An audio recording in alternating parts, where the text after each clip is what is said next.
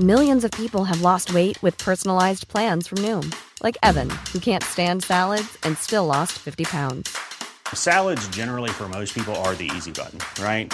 For me, that wasn't an option. I never really was a salad guy. That's just not who I am. But Noom worked for me. Get your personalized plan today at Noom.com. Real Noom user compensated to provide their story. In four weeks, the typical Noom user can expect to lose one to two pounds per week. Individual results may vary. A lot can happen in three years, like a chatbot may be your new best friend. But what won't change? Needing health insurance. United Healthcare Tri Term Medical Plans, underwritten by Golden Rule Insurance Company, offer flexible, budget friendly coverage that lasts nearly three years in some states. Learn more at uh1.com. I'm Sandra, and I'm just the professional your small business was looking for. But you didn't hire me because you didn't use LinkedIn jobs. LinkedIn has professionals you can't find anywhere else, including those who aren't actively looking for a new job but might be open to the perfect role, like me. In a given month, over 70% of LinkedIn users don't visit other leading job sites. So if you're not looking on LinkedIn, you'll miss out on great candidates like Sandra. Start hiring professionals like a professional. Post your free job on linkedin.com/achieve slash achieve today. Lördagen den 4 juni 2005 började som vilken annan dag som helst i den 18-åriga Nora Jacksons liv. Under kvällen var hon ute och festade med några av sina vänner och när hon sen kom hem under de tidiga morgontimmarna den 5 juni så vändes hennes liv upp och ner. Nora möts då av en blodig scen i hemmet och hittar sin mamma brutalt mördad i sovrummet. När livet ser som allra mörkast ut blir det sen ännu värre. Nora blir då nämligen huvudmisstänkt och grips för mordet på sin egen mamma.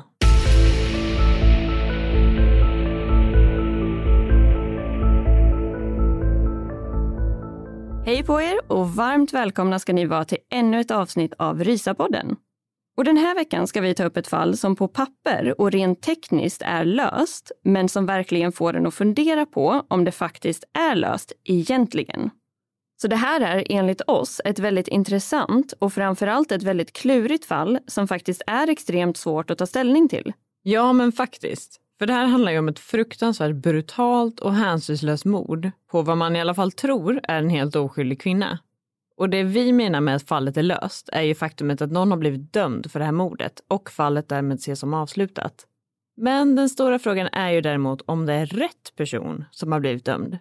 Så den här veckan ska vi prata om fallet kring Nora Jackson. En 18-årig tjej som blev dömd för mordet på sin mamma, Jennifer Jackson. Yes, och jag tänker att vi faktiskt inte behöver säga så mycket mer än så, utan att vi istället tar och presenterar själva fallet. Och därefter så får vi väl se vart vi alla landar i våra tankar. Så nu tycker jag helt enkelt att vi tar och sätter igång direkt här.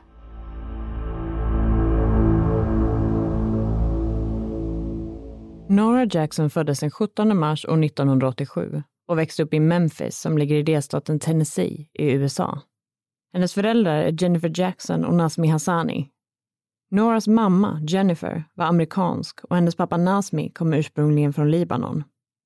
Nazmi och Jennifer träffades i samband med att de studerade vid Memphis State University och när Jennifer blev gravid med Nora valde de att gifta sig med varandra. När Nora föddes år 1987 så var Jennifer bara 20 år gammal och Nazmi var 25. Deras relation uppges däremot ha varit ganska så turbulent och när Nora bara var ett par månader gammal så insåg Jennifer att relationen inte skulle hålla och de skilde sig kort därefter. Nora växte sedan upp med sin mamma i Memphis och hade i princip ingen kontakt alls med sin pappa Nazmi på väldigt många år. De återupptog däremot kontakten med varandra när Nora var 16 år gammal, alltså år 2003. De började då smsa med varandra och hade en del kontakt på det viset. Vid den här tidpunkten så ägde Nazmi en bensinmack med en tillhörande närbutik som han hade gett namnet Noras Quickstop. Utöver det så drev han också ett företag som hyrde ut limousiner. Den här närbutiken ska ha legat precis i närheten av en strippklubb och Nasmis limousinföretag hade ofta i uppdrag att köra folk till och från den här strippklubben. Sen var det som så att Nasmi, enligt rykten, ska ha varit delaktig i någon form av prostitutionshärva och han ska dessutom ha haft en ful liten vana att spela in diverse aktiviteter som skedde i hans limousiner och i hans butik. Det ryktades därför om att Nazmi sen valde att spara på vissa strategiskt utvalda videoband som inkluderade personer som hade en mer eller mindre viktig roll i samhället. Enligt vissa rykten så ska det bland annat ha funnits en inspelning av en polis som hade sex med en strippa i Nazmis butik. Det ska även ha varit en del personer som hade haft sex i limousinerna och ovetandes hamnat på film. Så om allt det här faktiskt stämde och Nazmi exempelvis använde det här som någon form av utpressning så kan man ju tänka sig att det inte var särskilt uppskattat av de som blev utsatta. Men som sagt så hade ju Nora och Nazmi precis återupptagit kontakten med varandra år 2003. Och tyvärr så hann de inte utveckla sin relation särskilt länge. Det var nämligen så att den 26 januari 2004 så jobbade Nazmi som vanligt i sin butik när en person kom in och bad att få prata ostört med honom lite längre bak i affären. De gick därför tillsammans bak till kontoret där den här personen tar upp en pistol och skjuter Nazmi i huvudet. Och han dör då direkt på plats. Det finns en övervakningsfilm som visar det här händelseförloppet och som därmed bekräftar att det var så det gick till. Av fullt förståeliga skäl så har man inte gått ut med själva sekvensen när Nazmi blir skjuten, men man kan följa händelseförloppet före och efter den här incidenten. Det man kan se efter att Nazmi har blivit mördad är att personen som skjutit honom letar igenom kontoret och att han tar ett videoband och stoppar innanför jackan. Han går sedan ut till kassan, tar lite pengar och därefter lämnar han butiken. Polisen har uttalat sig om att det misstänks ha varit själva övervakningsfilmen som personen tog, men att det ska ha funnits en backup-inspelning, vilket gjorde att man ändå kunde se övervakningsfilmen sen. Somliga misstänker dock att det kan ha varit en inspelad film som innehöll känsligt material som någon så kallad viktig person inte ville skulle komma ut. Det finns med andra ord väldigt många som anser att det här inte alls var ett slumpmässigt rån som slutade i att Nasmi blev mördad. Anledningarna till det här är bland annat faktumet att gärningspersonen inte väljer att bara skjuta Nasmi direkt vid kassorna och ta pengarna för att snabbt ta sig in och ut ur butiken. Utan den här personen tar sig istället tiden att gå bak till kontoret med Nazmi och skjuter honom i huvudet, vilket mer liknar en typ av avrättning. Personen lägger sedan ytterligare tid och energi på att leta efter någonting i olika lådor innan han också väljer att ta det här videobandet Därefter så ser det mest ut som att personen tar lite pengar ur kassan på vägen ut ur butiken som en sista prioritet på något vis. Antingen som ett infall eller för att vilseleda polisen så att man ska tro att Nazmi dog under ett rån. Men tragiskt nog så blev han alltså bara 43 år gammal och efter sin död så lämnade han efter sig ett arv som Jennifer då kommer att bli ansvarig för. Mordet på Nazmi Hassani är än idag olöst vad gäller Noras mamma Jennifer så uppges hon ha haft en varm och härlig personlighet och hon var väldigt omtyckt och hade många vänner.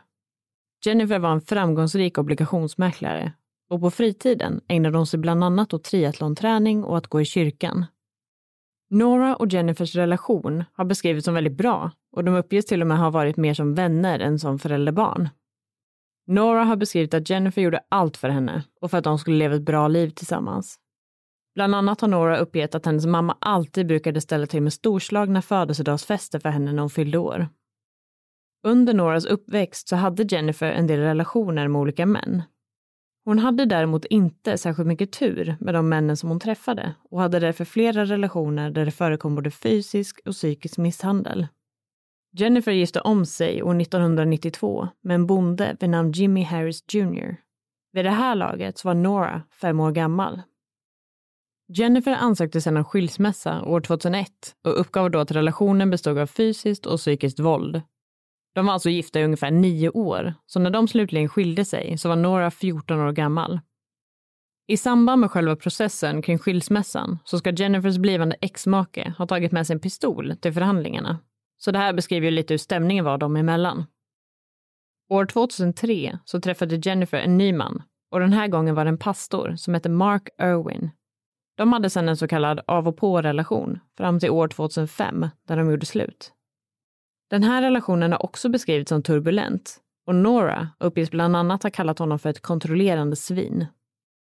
Men som sagt så var det många som beskrev att relationen mellan mor och dotter alltid hade varit väldigt bra och att de var mer som vänner än som förälder och barn.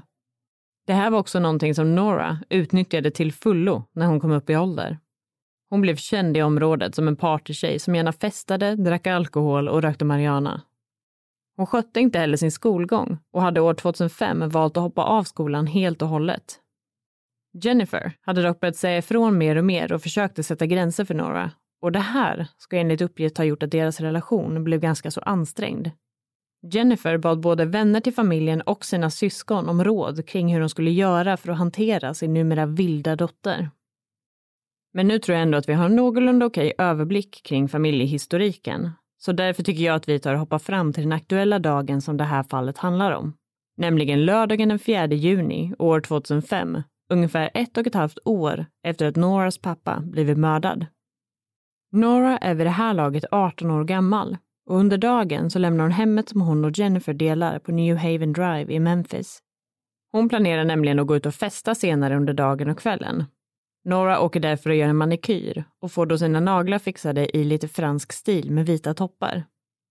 Hon beger sig sedan iväg på någonting som kallas för Italian Festival.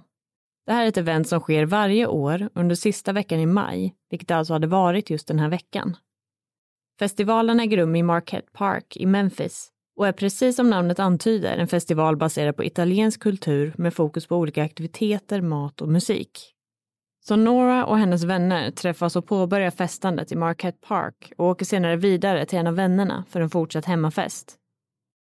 Den här kvällen så var även Jennifer ute på lite festligheter. Hon åkte iväg för att närvara vid ett bröllop runt halv sex på eftermiddagen tillsammans med sin vän Jimmy Toole. Han har vittnat om att Jennifer ska ha ätit och druckit alkohol, men absolut inte var påverkad. De åkte sedan vidare till en bar som heter The Cockeyed Camel, där de köpte varsin drink.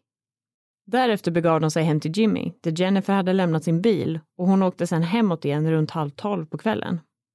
Jennifer ringde även till sin av och på-pojkvän Mark Irwin under kvällen och frågade om de skulle gå till kyrkan tillsammans dagen därpå, något som Mark då sa nej till. Han själv har beskrivit det här samtalet som vänskapligt, även om Jennifer lät besviken. Någon gång mellan klockan 01.00 och 04.00 så mördar någon Jennifer i hennes sovrum. Det var en otroligt blodig scen och enligt uppgift så ska det ha funnits blod på bland annat väggar, sängkläder och golvet. Man kunde senare konstatera att Jennifer hade blivit knivhuggen med en alternativt två knivar och inte mindre än 50 gånger. Hon hade skador på nacke, bröstkorg och huvud såväl som försvarsskador på sina händer. Jennifer låg naken vid fotändan av sängen och mördaren hade lagt en flätad korg över hennes ansikte.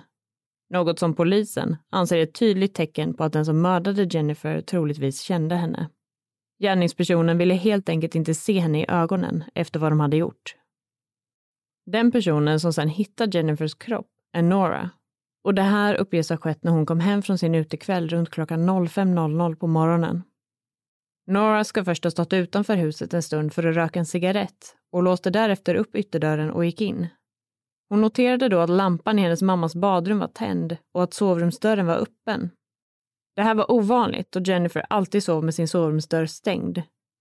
Nora gick sen in i köket för att ge lite mat till sin katt när hon upptäckte att det var glassplitter över hela köksgolvet. Hon gick då in till sin mamma och hittade henne på golvet i sovrummet. Nora lyfte korgen från Jennifers ansikte och försökte prata med henne samtidigt som hon letade efter hennes puls. När hon inte fick någon kontakt så fick Nora panik och sprang över och väckte en granne. Han tog då med sig sitt gevär eftersom att han såklart misstänkte att personen som mördade Jennifer eventuellt kunde finnas kvar i huset. De sprang sedan tillbaka till huset igen och den här grannen med geväret reagerade då på att Nora sprang in i huset före honom. Det vill säga faktumet att hon sprang in i huset innan personen som hade vapnet med sig in i ett hus där det eventuellt kunde finnas en mördare kvar någonstans. Nora ringer sedan till polisen och det här larmsamtalet finns tillgängligt att lyssna på via flera olika hemsidor. Men det man hör i telefonsamtalet är att Nora är oerhört hysterisk och skriker åt larmoperatören att hennes mamma är skadad och att man måste skicka en ambulans. Larmoperatören pratar lugnt och sansat med Nora och försöker få fram information. Och en av frågorna som ställs för den här tidpunkten skulle senare bli ganska så relevant under själva rättegången. Frågan som larmoperatören ställer är nämligen om någon har blivit skjuten, varpå Nora väldigt snabbt och tydligt svarar nej.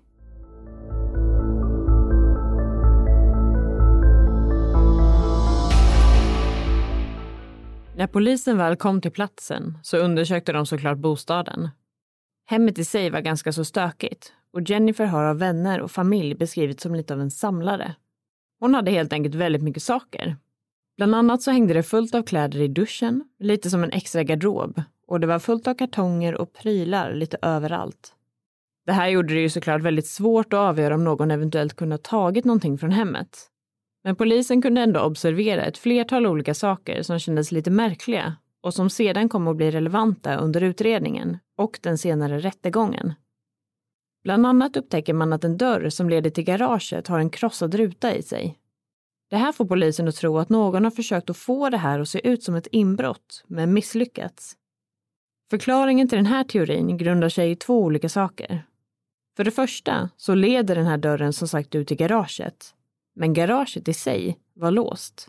Vilket gör det svårt för en inbrottstjuv att ta sig fram till den där dörren om man inte redan är inne i huset och krossar rutan inifrån. Vilket då inte fyller något direkt syfte kan man tänka, mer än att eventuellt vilseleda.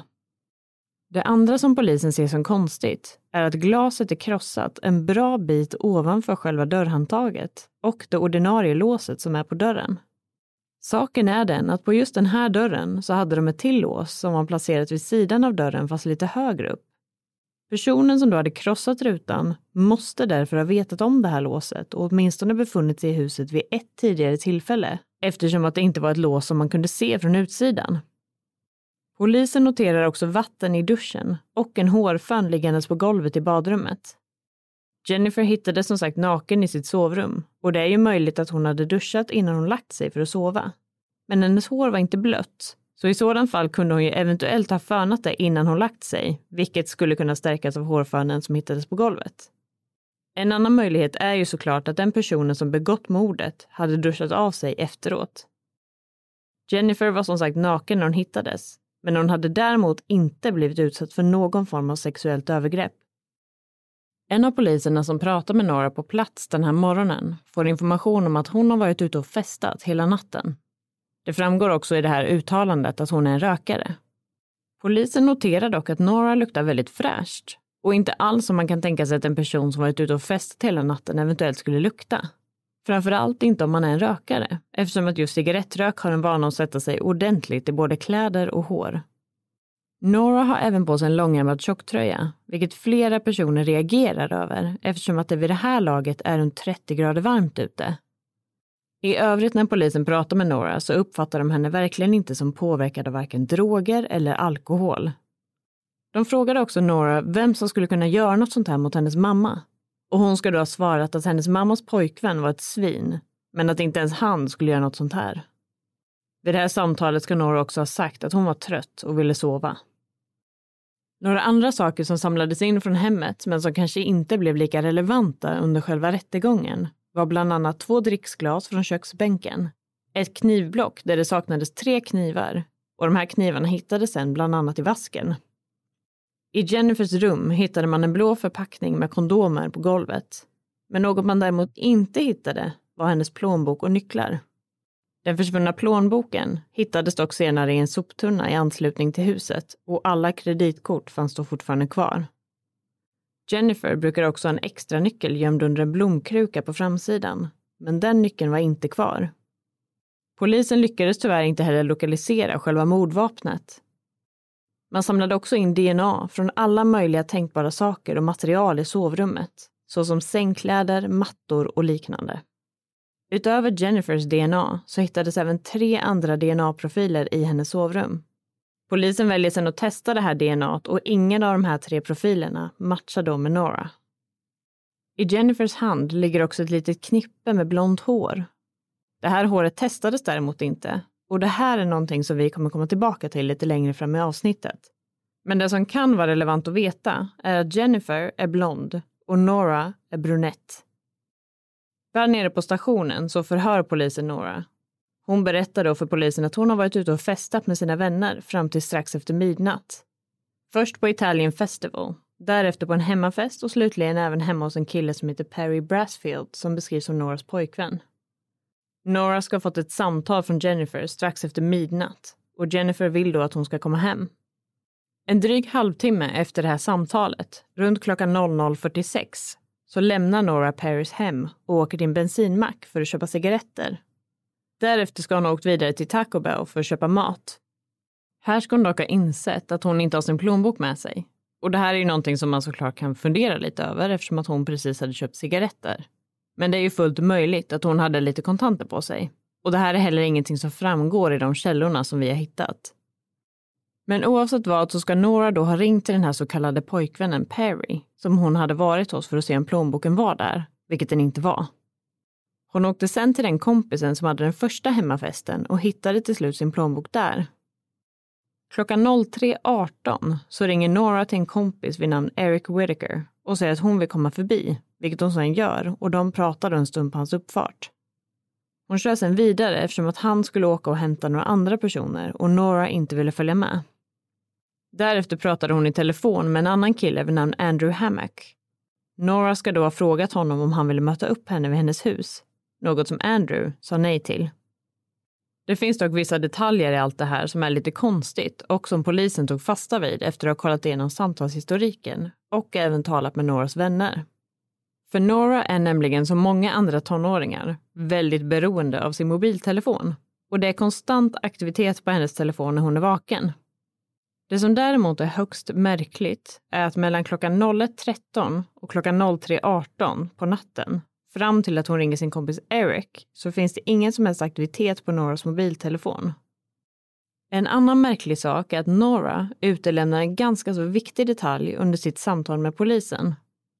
Det är nämligen så att när polisen genomsöker Noras bil så hittar de en påse från butiken Walgreens som innehåller lite plåster och bandage och ett kvitto. De åker därför till den här butiken och får se på CCTV att Nora besökte butiken klockan 04.00 hon ses då på deras övervakningsfilm när hon går in genom själva entrén. Man ser också att hon håller i sin hand för att stoppa blodflödet från ett sår eller någon form av skada. Det ser dessutom ut att blöda ganska så rikligt, för expediten ger henne papper och det är då inte lite papper som Nora får för att stoppa blodflödet. Hon köper sedan saker för att plåstra om såret, som bland annat plåster och bandage. Det visar sig nämligen att Nora hade ett skärsår på ovansidan av sin vänstra hand något hon sa berodde på att hon hade ramlat på en trasig ölflaska under Italian Festival. Hon hade dock glömt bort att nämna den här detaljen för polisen. Nora hade ju redan nämnt Mark Irwin för polisen, som alltså var Jennifers ex. Han har beskrivits som en ganska kontrollerande pojkvän och enligt Nora så var han en ganska skrämmande man. Polisen kontaktade därför Mark efter mordet och han berättade då att han hade ringt Jennifer samma kväll som hon mördades för att följa upp kring deras samtal som de hade haft tidigare under dagen. Han hade då ringt Jennifer runt midnatt under natten mellan den 4 och 5 juni men valde sedan att lägga på innan hon svarade eftersom han insåg att det var alldeles för sent. Marks alibi för den här natten var att han sov ensam i sitt hem i Jackson, vilket är ungefär en och en halv timmes bilväg från Jennifers bostad. Det här kan man ju tänka att det inte är jättemycket till alibi eftersom att Jennifer tros ha blivit mördad någon gång mellan 01.00 och 04.00. Polisen har även beskrivit att Mark var väldigt engagerad i själva utredningen och att han ringde ofta för att se hur det gick. Och det här kan ju troligtvis tyda på två olika saker. Antingen att man är väldigt benägen om att utredningen går framåt och att fallet blir löst. Eller att man döljer någonting och därför vill veta exakt hur mycket polisen har lyckats lista ut. Man kunde däremot inte hitta någonting som kopplade honom till Jennifers mord och man hade dessutom hittat en annan misstänkt, nämligen hennes egen dotter, Nora.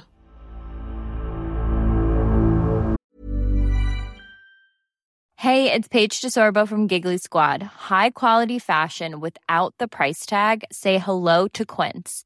I'm snagging high-end essentials like cozy cashmere sweaters, sleek leather jackets, fine jewelry, and so much more. With Quince being 50 to 80% less than similar brands. And they partner with factories that prioritize safe, ethical, and responsible manufacturing. I love that. Luxury quality within reach. Go to quince.com slash style to get free shipping and 365-day returns on your next order. quince.com slash style. If you thought the only way to get a more defined jawline with natural looking results was through surgery, think again. Juvederm Volux XC is a non surgical injectable gel filler that improves moderate to severe loss of jawline definition and can help you achieve natural looking results with little downtime. Even better, this improved definition lasts up to one year with optimal treatment. No maintenance required. Improve jawline definition for a smooth, sculpted look with Juvederm Volux XC. For important safety information and to find a licensed specialist, visit juvederm.com. That's J U V E D E R M.com. Not for people with severe allergic reactions, allergies to lidocaine, or the proteins used in Juvederm. Common side effects include injection site redness, swelling, pain, tenderness, firmness, lumps, bumps, bruising, discoloration, or itching. There's a risk of unintentional injection into a blood vessel, which can cause vision abnormalities, blindness, stroke, temporary scabs, or scarring. Talk to a licensed specialist to find out if it's right for you. Quality sleep is essential. That's why the Sleep Number Smart Bed is designed for your ever evolving sleep needs. Need a bed that's firmer or softer on either side? Helps you sleep at a comfortable temperature? Sleep Number Smart Beds let you individualize your comfort so you sleep better together. JD Power ranks Sleep Number number 1 in customer satisfaction with mattresses purchased in-store. And now, save 50% on the Sleep Number limited edition Smart Bed for a limited time. For JD Power 2023 award information, visit jdpower.com/awards. Only at a Sleep Number store or sleepnumber.com.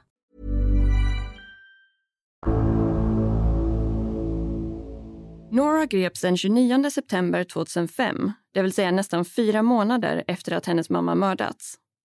Hon blev då åtalad för mord av första graden och det sattes en borgensumma på en halv miljon dollar. Det här var en summa som 18-åriga Nora inte hade någon möjlighet att betala och hon fick därför sitta fängslad i väntan på rättegången. Den här väntan blir dessutom väldigt lång och Noras rättegång börjar den 9 februari 2009. Alltså tre och ett halvt år efter att Jennifer mördats. Nora hade under rättegången en försvarsadvokat som hette Valerie Corder som valde att ta sig an Noras fall pro bono, det vill säga utan någon kostnad. Åklagaren i fallet var en kvinna vid namn Amy Wyrick. Hon var en åklagare som var känd för att göra allt i sin makt för att vinna ett fall och enligt vissa var det här kanske inte alltid på helt okej okay sätt. Amy var en 40-årig fyrbarnsmamma som tidigare hade varit chef på gäng och narkotikaenheten och ansågs vara en oerhört skicklig åklagare. En annan åklagare har senare berättat om hur själva mentaliteten på kontoret var. De hade nämligen en intern typ av rutin som kallades för the Hammer Award. Det var då nämligen en bild på en hammare som tejpades upp på dörren till kontoret till de åklagare som lyckades få till viktiga domar eller riktigt långa straff. Och det här skapade lite av en vinna till varje pris-mentalitet bland kollegorna. En åklagare från det här kontoret har uppgett att han vid ett tillfälle valde att inte åtala ett fall på grund av bristande bevisföring. Men att det då inte hade setts med blida ögon av hans kollegor och chefer. Amy ville helt enkelt väldigt gärna att Nora skulle dömas till livstidsfängelse för mordet på sin mamma. Själva rättegången pågick i ungefär två veckor Motivet som åklagaren, alltså Amy, målade upp ska ha varit en vild tonåring som ville fortsätta att leva sitt liv utan gränser, festa och ta droger. En tonåring som ville få sitt arv efter sin pappa, som Jennifer i dagsläget hade kontroll över. Enligt åklagarsidan ville Nora också ha ut pengarna från sin mammas livförsäkring. För att måla upp den här bilden av Nora så kallade åklagaren 45 olika vittnen under rättegången och man presenterade också 76 olika bevismaterial. Försvaret däremot kallade inga vittnen och Nora själv vittnade inte heller på rekommendation från sin advokat. Jennifers syster och halvbror, alltså Noras moster och morbror, vittnade för åklagarsidan under rättegången. Noras moster vittnade om att Jennifer hade fått nog av Noras beteende och ville skicka iväg henne på internatskola och att de bråkade om just gränssättningar väldigt mycket. Hennes morbror vittnade om att Nora vid något tillfälle ska ha frågat sin mamma om hennes livförsäkring och vad hon skulle ärva om Jennifer dog. En granne till Nora och Jennifer vittnade också om att hon hade hört dem bråka om pengar. Och en väninna till Nora vittnade om att hennes mamma hade kommit på tal under kvällen den 4 juni, det vill säga kvällen innan mordet ägde rum. Nora ska då ha sagt att hennes mamma är en bitch och att hon kan dra åt helvete. Så man kan absolut påstå att det byggs upp en ganska ful och osmickrande bild av Nora under de här vittnesmålen. Och det blir också en helt annan tyngd i orden när de som vittnar är hennes egen familj och vänner. Om man istället vänder på det och kollar på vad man hade för teknisk bevisföring gentemot Nora så kan man i princip säga att det inte fanns någonting alls. Först och främst så hade ju polisen samlat in flertalet DNA-prover från sovrummet där mordet hade ägt rum de hade testat allt från lakan, mattor och diverse andra saker som fanns i sovrummet. De hittade som sagt DNA-profiler från tre olika personer utöver Jennifers eget DNA och ingen av de här profilerna matchade ju med Nora. Om man då kopplar detta lite till det här skärsåret som Nora hade på sin hand så var ju det någonting som polisen och senare åklagaren tog fasta på. För det första så är frågan varför Nora utelämnade en sån detalj under sitt förhör med polisen. Och för det andra så var ju det här skärsåret på ovansidan av handen något som polisen inte anser går ihop med ett fall.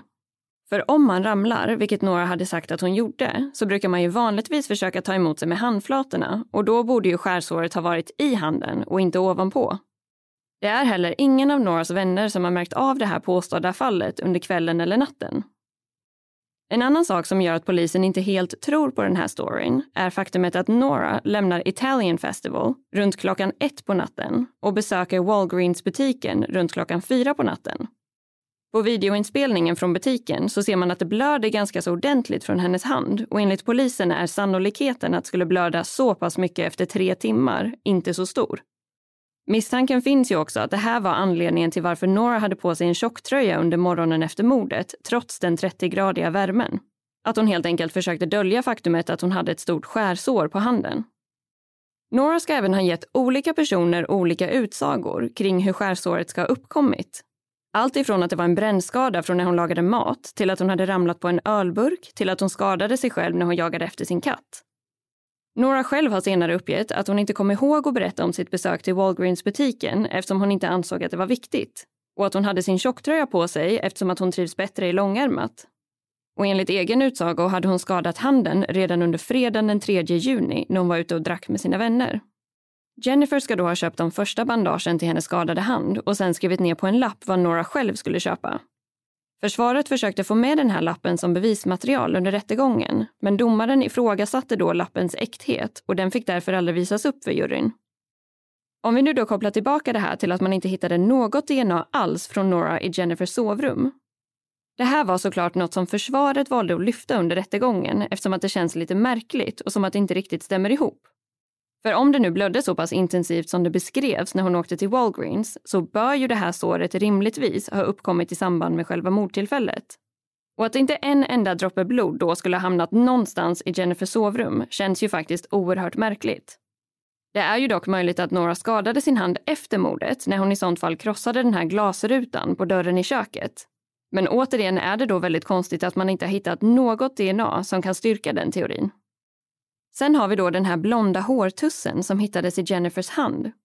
Nora är som sagt mörkhårig och Jennifer själv hade blont hår.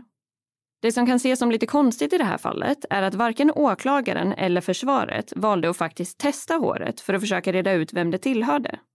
Åklagaren valde att inte göra det eftersom att Jennifer är blond och de gick därför på linjen att det var hennes eget hår som hon hade råkat slita ut under kampen för sitt liv hade åklagarsidan valt att testa håret och det inte var Jennifers eget hår så skulle man ju kunna tänka sig att det kunde varit lite problematiskt för dem eftersom deras huvudmisstänkta, Nora, var brunett.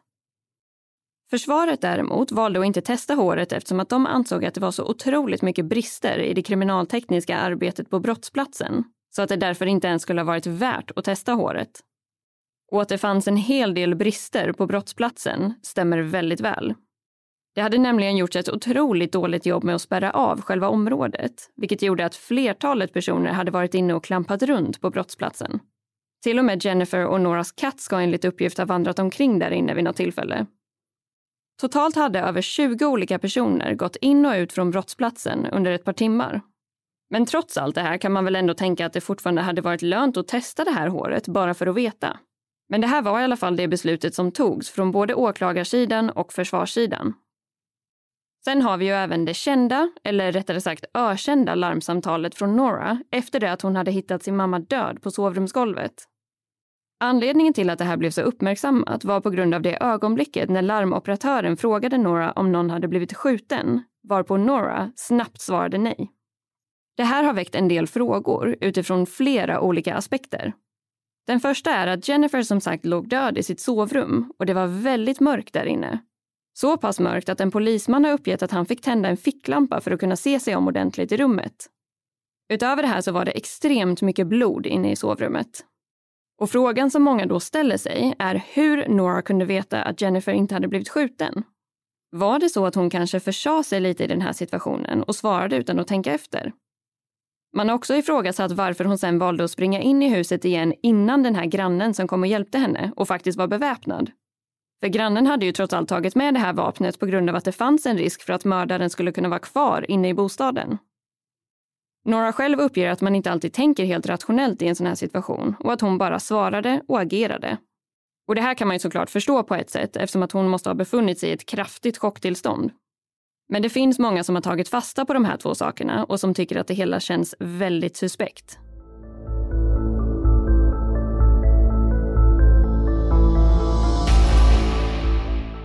Sen har vi ju också Noras naglar.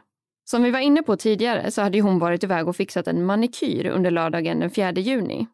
Hennes händer fotades sen när hon åkte in till polisstationen morgonen efter mordet, alltså morgonen den 5 juni. Naglarna är då i ett helt perfekt skick utan en enda skråma eller bortskrapat nagellack. Jennifer däremot hade tydliga försvarsskador på händer och armar vilket tyder på att hon troligtvis kämpade och slogs för sitt liv mot sin mördare. Försvaret hävdade därför i rätten att man som gärningsperson inte borde klara av ett sånt här typ av slagsmål utan att få en enda liten skråma på sina välmanikurerade naglar. Åklagaren hävdade däremot att det trots allt var Nora som höll i kniven och då kan man absolut klara av att utföra en sån här typ av attack och samtidigt skona sina fingernaglar. Under rättegången så lyfts också Noras beteende under natten då Jennifer ska ha mördats. En av dem som vittnade var en man som hette Andrew Hammack som kom att bli en viktig pusselbit i det här fallet. Han beskrivs främst som en kompis till Nora, men att de två också hade sex då och då. Under rättegången vittnade Andrew om att han ska ha fått samtal och sms från Nora runt tidpunkten för mordet och att hon då ska ha velat att Andrew skulle komma och möta upp henne vid hennes hus. Något han valde att inte göra den här natten. Men det här framstår då lite som att Nora hade försökt få tag i ett annat vittne som kunde vara med henne när hon hittade sin mamma. Andrew är också den enda personen som vittnar om att Nora ska ha sagt sig vara vid sitt hus vid tidpunkten för själva mordet. Under rättegången målades Nora som sagt upp som en vild och rebellisk tonåring som mördade sin mamma för att få fortsätta festa och för att få tillgång till sitt arv. Hon fick ju dessutom sitta och lyssna på både sin familj och sina vänner när de vittnade mot henne under rättegången. Så oavsett vad man tänker kring Noras skuld i det hela så måste det ha varit oerhört tungt att sitta och lyssna på allt det här. Och man ska ju också ha i åtanke att hon bara var 18 år gammal när mordet på Jennifer ägde rum. Nora själv vittnade ju däremot inte och det här är något som hon idag säger att hon ångrar väldigt mycket. I en intervju med The New York Times så beskriver Nora att hon hade velat ge juryn sin egen bild av vad som hände och dessutom fått besvara vissa av de saker som kom upp under rättegången. I den här intervjun pratar hon även om mordet på hennes pappa, Nazmi. Hon förklarar då att Jennifer hade varit och hämtat lite saker från Nazmis affär åt Nora. Så om någon faktiskt mördade Nazmi på grund av exempelvis ett videoband, skulle de då inte kunna mörda Jennifer för samma sak? Den eventuella kopplingen till Nazmis mord togs dock aldrig upp under rättegången. När åklagaren Amy Wyrick hade sin slutplädering så vände hon sig till Nora och nästan skrek meningen Berätta bara för oss var du var. Det är allt vi ber om, Nora. Men sammanfattningsvis kan man i alla fall säga att man har DNA-profiler från tre okända personer som inte matchar Nora. Man har aldrig hittat själva mordvapnet eller några blodiga kläder som kan ha använts under mordtillfället. Och man har aldrig valt att faktiskt testa det blonda håret som hittades i Jennifers hand. Utan det man har är en rebellisk tonåring som bråkade en hel del med sin mamma och en ganska så oklar tidslinje. Men man har däremot också en person som vittnar om att Nora faktiskt befann sig vid hemmet runt tidpunkten för mordet och det är ju vännen Andrew Hammack. Den 21 februari 2009 så kom juryn tillbaka med ett beslut. De fann då Nora skyldig till mord av andra graden. En dryg månad senare, den 27 mars, så dömdes Nora till 20 år och 9 månader i fängelse för mordet på sin mamma. Vid det här laget hade Nora hunnit fylla 22 år den ansvariga domaren, Christopher Kraft, ska ha uppgett att Nora hade en rättvis rättegång och att hon utan tvekan var skyldig till mordet på Jennifer. Fem dagar efter att Nora dömdes för mordet så valde den assisterande åklagaren att skicka in ett utelämnat uttalande som tillhört Noras fall. Det här var ett uttalande från vännen Andrew Hammack som hade gjorts innan rättegången började. Därefter tog Noras försvarsadvokat ärendet vidare till Tennessee Supreme Court och bad om att få domen hävd baserat på att det här skrivna uttalandet aldrig hade lämnats över till försvaret och att det här dokumentet motsäger det som Andrew vittnade om i rätten. Han var ju dessutom det enda vittnet som placerade Nora vid sitt hem vid tidpunkten då mordet ska ha ägt rum. Det var nämligen så att Andrew initialt hade sagt att han inte kom ihåg någonting från den här natten eftersom att han hade tagit droger. Och han ska dessutom ha sagt att han inte hade haft sin telefon på sig. Något som helt går emot hans vittnesmål under själva rättegången. Noras advokat försökte utifrån detta att få domen hävd, vilket till en början inte verkade särskilt sannolikt. Men år 2014 så valde Högsta domstolen i Tennessee att häva Noras dom och det här gjorde man baserat på två huvudsakliga anledningar. Den första anledningen var att de ansåg att åklagaren hade kränkt Noras rättighet att vara tyst och inte vittna under rättegången. Det här var främst på grund av åklagarens slutplädering som vi var inne på lite tidigare. När hon hade vänt sig direkt mot Nora och nästan skrikit till henne att hon bara skulle säga vart hon befann sig den här natten. Det här var ju en fråga som Nora då inte hade möjlighet att besvara muntligt och som hon också hade rätt till att inte ens behöva besvara under rättegången. Den andra anledningen till att domen hävdes var det så kallade bortglömda uttalandet från Andrew Hammack. För i och med det här uttalandet blev det ju väldigt svårt att bedöma vikten av Andrews vittnesmål. Så domen hävdes alltså 2014, när Nora redan hade suttit i fängelse i ungefär fem år. Värt att notera är också att hon dessutom hade suttit fängslad i tre år innan hon dömdes, så hon hade alltså varit frihetsberövad i totalt åtta år. När Nora fick reda på att hennes dom skulle hävas så befann hon sig i fängelset där hon satt och kollade på tv. Att en dom hävs på grund av att åklagare missar eller glömmer bort att lämna över bevismaterial händer ytterst sällan och det har hänt ungefär två gånger på 50 år i Tennessee. När Nora såg sitt namn på tv-skärmen så ropade hon på fängelsevakten och bad att de skulle hämta hennes vänner som hon hade fått under sin tid i fängelset och de började sedan alla gråta av ren glädje.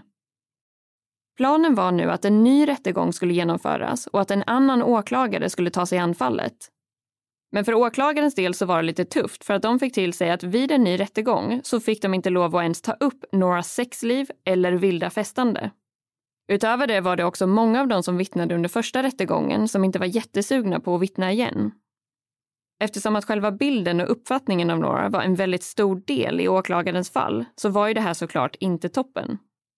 De valde därför att istället erbjuda Nora något som kallas för en Alford plea. Och det här är faktiskt en ganska så märklig grej som man har i USA. Det innebär i princip att personen i fråga, alltså Nora, skriver under att hon inte erkänner att hon har mördat sin mamma, men att hon tar på sig ansvaret för mordet. Så det är alltså ungefär som att säga, jag erkänner inte att jag har gjort det, men jag accepterar domen som skyldig. Men man blir ju fortfarande dömd och ses i lagens ögon som den skyldiga och fallet anses därför vara löst och avklarat. Nora var därför väldigt osäker på om hon skulle skriva under en Alfred plea eller inte. Hon kände såklart å ena sidan att hon inte ville sitta längre i fängelse. Framförallt då hon vid det här laget började närma sig 30-årsåldern och dessutom gärna ville skaffa familj en vacker dag. Hon insåg såklart också att om hon skulle skriva under en sån här typ av deal så skulle hon för alltid vara dömd för det här brottet och dessutom skulle hennes mammas mord i Noras ögon aldrig bli löst eftersom att fallet då skulle anses avklarat och man därför inte längre skulle leta efter den skyldige.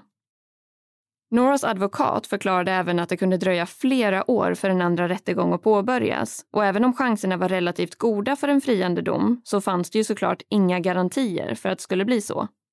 Så genom att gå med på en Alford plea så skulle Nora frias inom kort och kunna påbörja sitt nya liv utanför fängelset det här slutar sen med att Nora faktiskt skriver under en Alfred plea den 20 maj 2015 och det här är då hela tio år efter att mordet på Jennifer Jackson ägde rum. Och ett citat från Nora i The New York Times gällande just det här beslutet är som följer. On paper, I'm the killer. Even though I maintain my innocence, that's what the cops look at. So somebody's just getting away and I helped make that happen. Och på svenska blir det här alltså på pappret är det jag som är mördaren. Även om jag vidhåller min oskuld så är det det som polisen ser. Så någon annan kommer nu undan och det var jag som möjliggjorde det. Många har varit irriterade på åklagarsidan utifrån att de lite sjabblade bort det här fallet i och med slutpläderingen och bevismaterialet. De som tror att Nora är skyldig anser att de här missarna nu har gjort att en mördare går fri de som däremot tror att Nora är oskyldig tycker istället att det är ett oetiskt agerande och att Nora borde ha friats redan vid första rättegången. Åklagaren Amy Wyrick riskerade att åtalas för att ha kränkt Noras rättigheter i samband med den här rättegången. Men det här åtalet lades ner när Amy gick med på att ta emot en så kallad privat tillrättavisning istället och erkände att fel hade begåtts. Den initiala fällande domen för Nora ledde till att Amys politiska karriär tog fart och i januari 2011 så blev hon invald som allmän åklagare i Shelby County. I och med detta blev hon också den första kvinnan på just den posten. Men efter att domen sen hävdes så framkom en hel del information kring Amys agerande i flera olika fall som hon hade åtalat. Det uppdagades bland annat att hon möjligtvis hade gjort liknande saker som att dölja bevis tidigare och inte bara i Noras fall.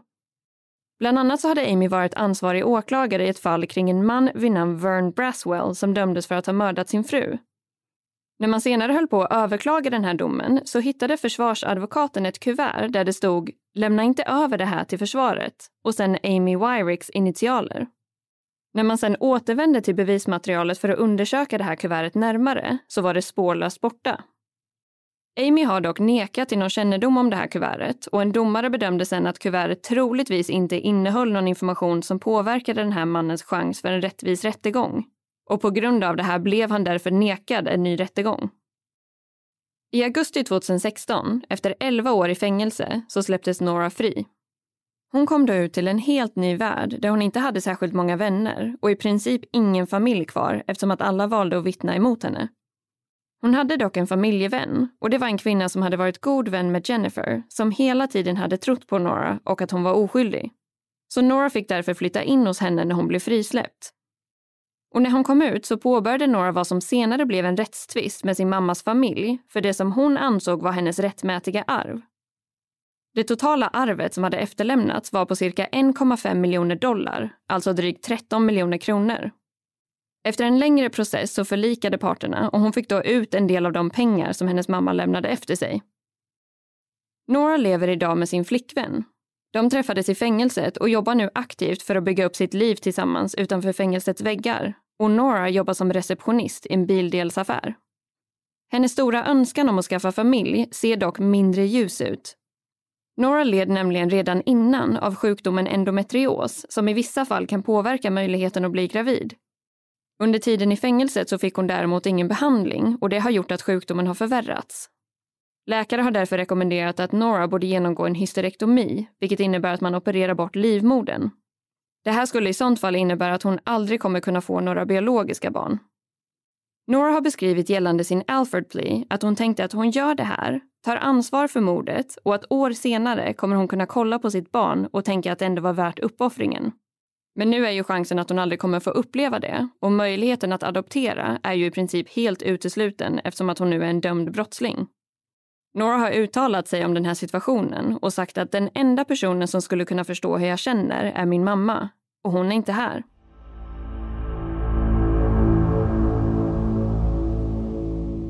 Ja, alltså det här är ett väldigt klurigt fall. Jag har verkligen pendlat mellan att hon självklart är skyldig till att hon självklart är oskyldig. För det finns så otroligt mycket som är konstigt kring Nora och hennes agerande men samtidigt väldigt mycket som inte känns som att det stämmer kring själva utredningen och rättegången. Ja, man känner ju absolut inte att det verkar vara utom rimligt tvivel i alla fall. Och om det nu är så att hon är oskyldig så är det ju verkligen fruktansvärt i så fall eftersom att det här faktiskt handlar om en 18-årig tjej som ett år tidigare förlorat sin pappa vid ett mord som än idag är olöst.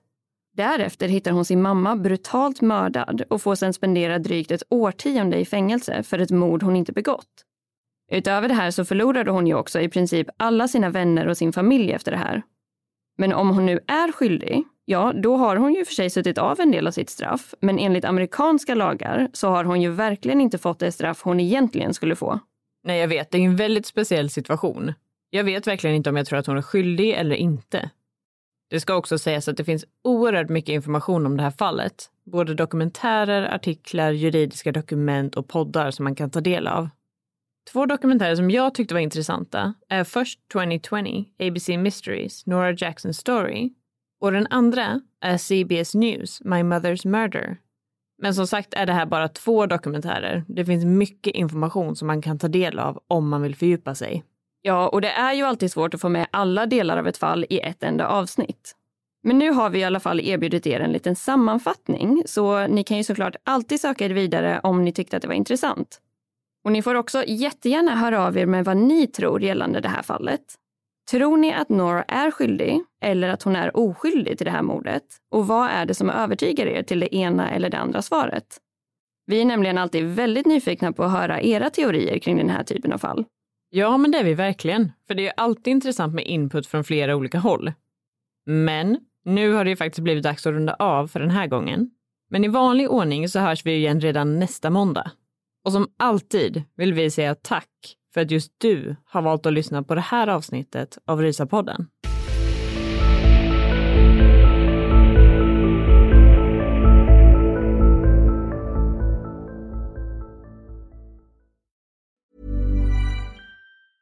Witness history at Roland Garros, where old rivalries meet new talent on the clay battleground. Tennis Channel Plus is your place to watch. Stream every court from your phone or smart TV live in HD. Experience three weeks of unparalleled access as the world's top players in tennis face off to see if the veterans maintain their dominance or if a fresh face rises to challenge them. Daily live coverage of the French Open begins Monday, May 20th. Stream it now with Tennis Channel Plus to be there when it happens. Hold up. What was that? Boring. No flavor. That was as bad as those leftovers you ate all week. Kiki Palmer here, and it's time to say hello to something fresh and guilt-free. Hello Fresh. Jazz up dinner with pecan-crusted chicken or garlic butter shrimp scampi. Now that's music to my mouth. Hello Fresh. Let's get this dinner party started. Discover all the delicious possibilities at hellofresh.com. Hey, it's Paige DeSorbo from Giggly Squad. High quality fashion without the price tag. Say hello to Quince.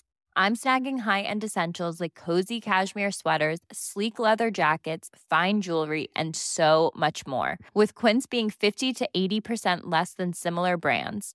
And they partner with factories that prioritize safe, ethical, and responsible manufacturing. I love that. Luxury quality within reach. Go to quince.com slash style to get free shipping and 365 day returns on your next order.